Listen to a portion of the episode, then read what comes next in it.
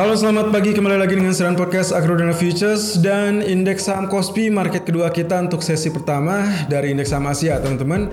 Di hari Rabu ini, running price sudah berada di 245.95 dengan arah tertinggi 246.15 dan terendah 243.60. Jadi sebetulnya dengan pembukaan tadi pagi 245.10, dia pertama kali di ini ya mengalami penurunan ke 243.60. Berbeda dengan Nikkei tadi, kalau Nikkei sempat naik lalu turun, Kospi justru sempat turun lalu naik. Nah, ini yang yang yang bikin uh, gejalanya agak relatif sedikit berbeda. Kalau dari candlestick sendiri kemarin dia jadinya uh, membentuk uh, salib ya seperti salib seperti itu uh, kita kategorikan seperti dragonfly doji tapi sayangnya dragonfly doji ini muncul di area atas teman-teman jadi tidak bisa digambarkan sebagai area reversal ke atas justru ini akan jadi warning untuk kita terutama kalau kita bandingkan kemarin itu dia ditutup di 248.95 jadi untuk pagi ini dia buka 245 itu adalah dia gap down, terjadi gap down. Kalau tadi Nikkei gap up 80 poin, ini gap down sekitar 300 poin.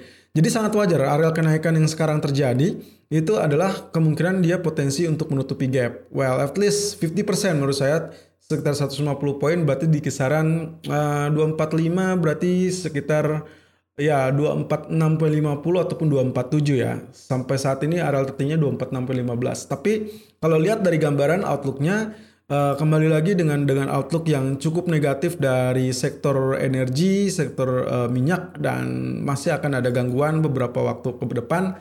Saya rasa ini selama OPEC belum memutuskan sesuatu, ini akan terjadi penurunan yang lebih lanjut untuk sentimen pasar tentunya ya.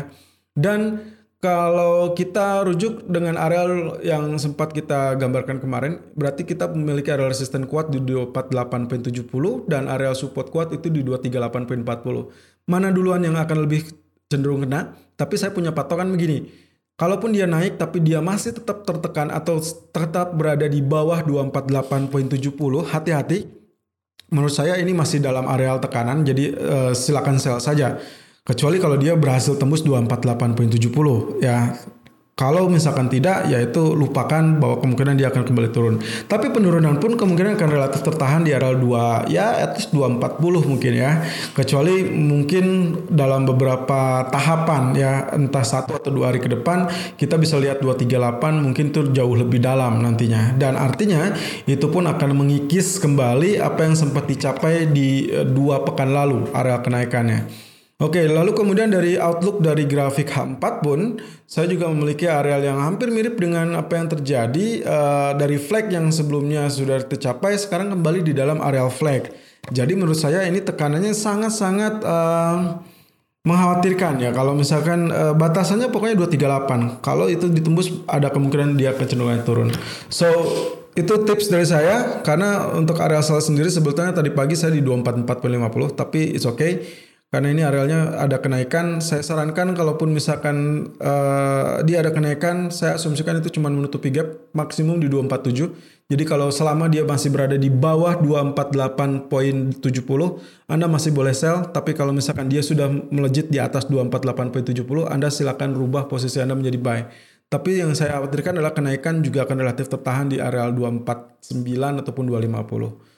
Oke, demikian untuk ulasan Kospi. Secara berita fundamental internal, saya belum menemukan berita apa pun selain dari negara tetangganya yaitu Korea Utara yang kembali mengabarkan tentang keberadaan uh, Kim Jong Un. Ya, menurut kabar yang beredar sebetulnya para dokter sudah dikirim kembali pulang, tapi ada beberapa dokter yang jumlahnya tidak banyak dan itu hanya untuk mengawasi uh, proses pemulihan. Menurut kabar seperti itu. Tapi Donald Trump sendiri uh, mengatakan tidak ada kabar dari Korea Utara ataupun Kim Jong Un, jadi dia cuma menuliskan pesan good luck begitu saja. Mungkin itu adalah untuk penyemangat atau mungkin ada sinisme ya. Kita lihat saja untuk beberapa waktu ke depan. Selalu gunakan stop loss dan risk management sesuai dengan equity dan strategi trading Anda.